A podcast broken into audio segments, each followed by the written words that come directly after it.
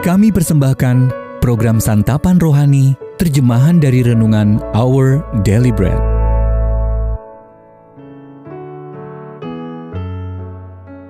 Sahabat ODB, pembacaan Alkitab hari ini terambil dari Markus pasal yang ke-15, ayat yang ke-16 sampai dengan ayat yang ke-24. Markus pasal yang ke-15 ayat yang ke-16 sampai dengan ayat yang ke-24. Yesus diolok-olokkan. Kemudian serdadu-serdadu membawa Yesus ke dalam istana, yaitu gedung pengadilan, dan memanggil seluruh pasukan berkumpul. Mereka mengenakan jubah ungu kepadanya, menganyam sebuah mahkota duri, dan menaruhnya di atas kepalanya. Kemudian mereka mulai memberi hormat kepadanya, katanya, Salam, hai Raja orang Yahudi. Mereka memukul kepalanya dengan buluh dan meludahinya, dan berlutut menyembahnya. Sesudah mengolok-olokkan dia, mereka menanggalkan jubah ungu itu daripadanya dan mengenakan pula pakaiannya kepadanya. Kemudian Yesus dibawa keluar untuk disalibkan. Pada waktu itu lewat seorang yang bernama Simon orang Kirene, ayah Alexander dan Rufus yang baru datang dari luar kota. Dan orang itu mereka paksa untuk memikul salib Yesus. Mereka membawa Yesus ke tempat yang bernama Golgota, yang berarti tempat tengkorak.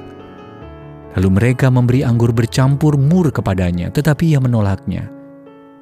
Kemudian mereka menyalibkan dia, lalu mereka membagi pakaiannya dengan membuang undi atasnya untuk menentukan bagian masing-masing. Ayat Mas Renungan hari ini terambil dari Markus pasal yang ke-15 ayat yang ke-21. Pada waktu itu lewat seorang yang bernama Simon, orang Kirene, dan orang itu mereka paksa untuk memikul salib Yesus. Renungan hari ini berjudul Salib Pendamaiannya ditulis oleh Lisa Samra. Sahabat Ribi, sorot mata murah mengintip dari lukisan Simon dari Kirene, karya Egbert Moderman seorang seniman kontemporer Belanda. Sorot mata Simon mengungkapkan beban fisik dan emosional dari tugas yang diembannya. Dalam Markus 15, Simon ditarik keluar dari kerumunan penonton dan dipaksa memikul salib Yesus. Markus menyatakan bahwa Simon datang dari Kirene, sebuah kota besar di utara Afrika, yang memiliki populasi Yahudi dalam jumlah besar pada zaman Yesus. Kemungkinan besar Simon melakukan perjalanan ke Yerusalem untuk merayakan Paskah. Ia tanpa sadar masuk ke dalam proses eksekusi yang tidak adil tersebut. Tetapi akhirnya dapat memberikan bantuan kecil yang berarti bagi Yesus. Sebelumnya, dalam Injil Markus, Yesus berkata kepada para pengikutnya, "Setiap orang yang mau mengikut Aku, ia harus menyangkal dirinya, memikul salibnya, dan mengikut Aku." Dalam perjalanan ke Golgota, Simon secara harfiah melakukan apa yang Yesus minta secara kiasan untuk dilakukan murid-muridnya. Ia memikul salib yang diberikan kepadanya dan membawanya demi Yesus. Kita pun mempunyai salib yang perlu dipikul.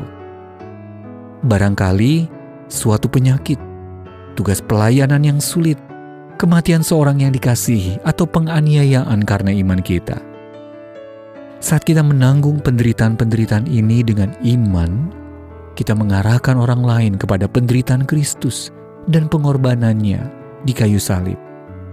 Salibnya lah yang memberikan kita pendamaian dengan Allah dan kekuatan bagi perjalanan kita sendiri. Sahabat UDB, salib apa yang pernah atau Anda sedang tanggung? Dan bagaimana anda dapat memanfaatkan pergumulan tersebut untuk mengarahkan orang lain kepada Yesus. Tuhan Yesus, aku bersyukur Engkau mengerti dan ikut merasakan derita yang kualami ketika aku memikul salibku dan mengikutmu. Berilah aku keberanian dan kekuatan ketika perjalananku terasa berat. Our daily bread ministries,